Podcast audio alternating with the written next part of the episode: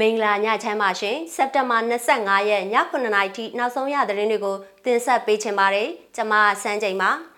ကပ္ပစတက်တွင်ရန်ပွဲကြောင့်အသက်12နှစ်အရွယ်မိန်းကလေးသေဆုံးတဲ့သတင်းလှဲကူးသား3ဦးအဖမ်းခံရတဲ့သတင်းအမေရိကန်မှာမြန်မာနိုင်ငံကရွှေ့ပြောင်းခိုလုံသွားသူတဦးရဲ့ပြစ်ခတ်မှုကြောင့်တဦးသေဆုံးပြီး14ဦးဒဏ်ရာရတဲ့အကြောင်းရွှေဝါရောင်တော်လန်ရေး14နှစ်ပြည့်အထိန်အမှတ်ဖြစ် ကလေးမျိုးကဆန္ဒပြပွဲမြင်ကွင်းနဲ့စပိန်ကန်နာရီကျွန်းမှာမီးတောင်ပောက်ကွဲမှုတွေဆက်ဖြစ်နေလို့လေရင်ခီးစင်တွေဖျက်သိမ်းလိုက်ရတဲ့တဲ့ရင်အဆရှိတဲ့ပြည်တွင်းနဲ့နိုင်ငံတကာသတင်းတွေကိုတင်ဆက်ပေးပါရမယ်ရှင်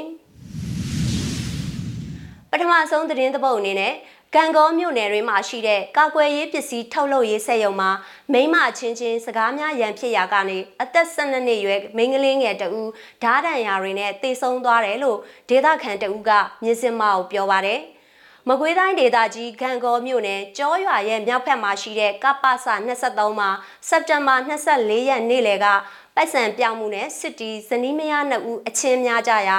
မိခင်နဲ့လိုက်ပါသွားတဲ့ကလေးငယ်ကိုဓာထိုးမိတာဖြစ်ပါတယ်။ အဲ့စစ်သားမိမကသူများငွေတွေကိုခိုးတာတဲ့အရင်ကတည်းကအဲ့လိုခိုးနေတာဘေးအိမ်ကစစ်သားမယားနဲ့ရန်ဖြစ်ကြတာသူ့ငွေကိုတွားခိုးလို့ဆိုပြီးရန်ဖြစ်ကြတာကလေးကိုဓာထုံးမိတာငါးချက်တောင်လို့အဲ့ဒီအဖြစ်ပြက်ကိုကောင်းစွာသိနေတဲ့ဒေတာခန်တဦးကပြောပါတယ်မင်းကလေးငယ်ကိုဆေးရုံပို့ကြပေမဲ့လမ်းမှာပဲတေဆုံးသွားတာဖြစ်တယ်လို့သိရပါတယ်ကာကွယ်ရေးတပ် PDF တွေအင်အားကောင်းတဲ့ဂံကုန်းမြို့ကိုလက်ရှိမှာအင်တာနက်လိုင်းတွေဖြတ်တောက်ထားပါတယ်ရှင်။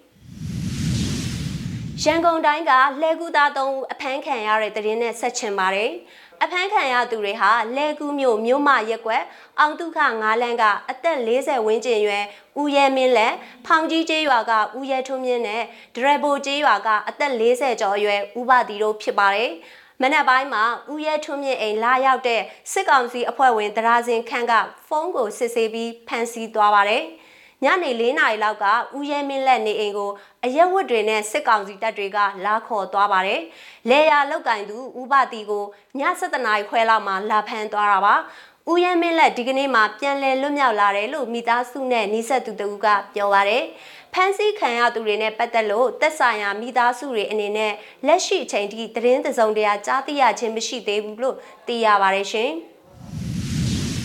American Tennessee ပြည်နယ်က Roger Store ဆိုင်မှာမြန်မာနိုင်ငံကနေရွှေ့ပြောင်းခိုလုံသွားသူတဦးကတနက်နဲ့ပြစ်ခတ်မှုကြောင့်လူတဦးသေဆုံးပြီး14ဦးဒဏ်ရာရရှိသွားခဲ့တယ်လို့ဒေသခံသတင်းမီဒီယာတွေကသိရပါဗျ။အသက်29နှစ်အရွယ်ဥပထန်းကစတိုးဆိုင်မှာဝန်ထမ်း10ဦးနဲ့ဈေးဝယ်သူ9ဦးကိုပြစ်ခတ်ရမှာတဦးသေဆုံးပြီး14ဦးဒဏ်ရာရသွားခဲ့ပါတယ်။တနက်သမားလည်းကိုကိုကိုတက်သေးသွားခဲ့ပါတယ်။ ဥတ်ထန်းက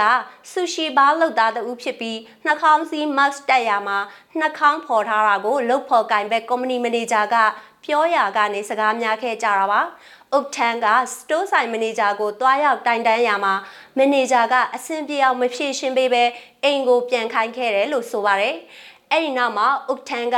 အိမ်ပြန်ပြီးတနက်ယူလာခဲ့ပြီးတော့လူတွေကိုပြစ်ခတ်ခဲ့ပြီးအဖမ်းမခံပဲကားထဲမှာတက်သေးသွားတာဖြစ်တယ်လို့ဒေသခံသတင်းမီဒီယာတွေကဖော်ပြကြပါရရှင်ဆက်လက်ပြီးတော့ရွှေဝါရောင်တော်လန်ရေး14နှစ်ပြည့်အထိမ်းအမှတ်အဖြစ်ချီတက်ဆန္ဒပြတဲ့ကလေးမျိုးကဆန္ဒပြပွဲမြင်ကွင်းရုပ်တံကိုလည်းရှုစားရအောင်ပါရှင်။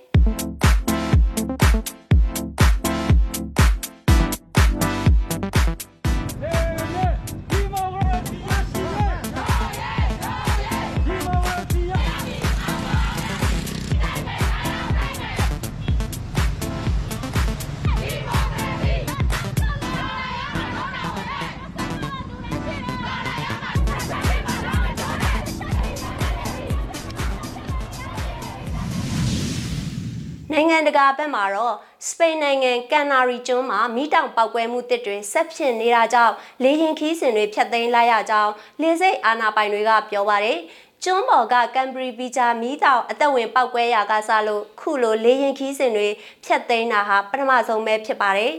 လာပါမာကျွန်းမှာတောက်ကြနေကကြီးမားတဲ့ပောက်ကွဲမှုတွေနဲ့မီးတောင်ထိတ်ဝတွေပွင့်ဟလာတာတွေလည်းရှိတာကြောင့်ဘေးလွတ်ရာရွှေ့ပြောင်းဖို့အမိတ်တစ်တွေလည်းထုတ်ထားရပါတယ်။ လေထုထဲကိုထူထဲတိမ်တိုက်တွေပြမုံမဲတွေလွင့်သက်နေတာကြောင့်လေကြောင်းလိုင်းအချို့ဟာခီးစင်တွေကိုဖျက်သိမ်းခဲ့ရတာပါ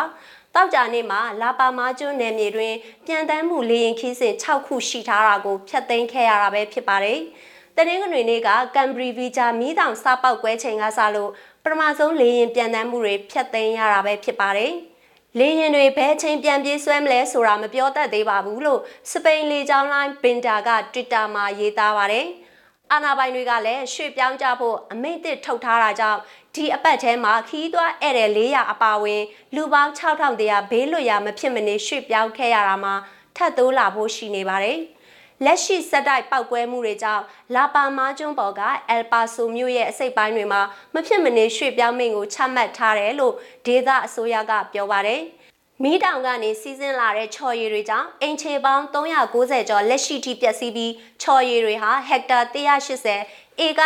445ဧကထိဖုံးလွှမ်းနေပြီလို့ဥရောပတက်မကရဲ့ကမ္ဘာမြေပြင်စောင့်ကြည့်ရေးစီမံကိန်းရသိရပါတယ်။ထူထပ်တဲ့ပြမုံတွေလုံးလုံးပိတ်ဖုံးနေတဲ့နယ်မြေတစ်ခုကပန်းချံတစ်ချံကိုအရက်သားအဆောင်တဦးကပြသနေတာကိုလည်းဗီဒီယိုပုံရိပ်ကနေမြင်တွေ့ရပါတယ်။ ကျွန်းစီလာရောက်တဲ့သမရပီဒရိုဆန်ချက်စ်ကဒေသခံတွေကိုဗန်ဒန်ဝေထောက်ပံ့နိုင်မဲ့ကပ်ဘေးတင်ဆောင်ဖြစ်လာပါမာကျွန်းကိုတတ်မှတ်ကြေညာဖို့လည်းရှိပါတယ်။မိတောင်ဝါကနေစီးထွက်လာတဲ့ချော်ရည်တွေရဲ့စီးနှုံအရှိန်ဟာပြီးခဲ့တဲ့ရက်ပိုင်းမှာတည်ငြိမ်စွာနှေးကွေးလာခဲ့ပြီးချော်ရည်တွေကမ်းရိုးတန်းစီထိရောက်လိမ့်မှာမဟုတ်ဘူးလို့ပညာရှင်တွေကပြောထားပါတယ်။ တကယ်လို့ပင်လယ်ထဲချော်ရည်တွေရောက်ရှိသွားခဲ့ရင်လေထုထဲအစိတ်သိမ်းတိုက်တွေဖြစ်ပေါ်စေမှာဖြစ်တယ်လို့ရေပြင်တဘာဝပတ်ဝန်းကျင်ကိုလည်းထိခိုက်လိမ့်မယ်လို့ပညာရှင်တွေကစိုးရိမ်ပူပန်လျက်ရှိနေပါတယ်ရှင်။မြင်းစမရဲ့စက်တင်ဘာ25ရက်ည9နာရီထိနောက်ဆုံးရရှိထားတဲ့သတင်းတွေကိုတင်ဆက်ပေးခဲ့တာပါကြည့်ရှုအားပေးတဲ့အတွက်ကျေးဇူးထူးတင်ရှိပါတယ်မြမပြည်သူတွေဘေးအန္တရာယ်ပေါင်းကကင်းဝေးကြပါစေရှင်။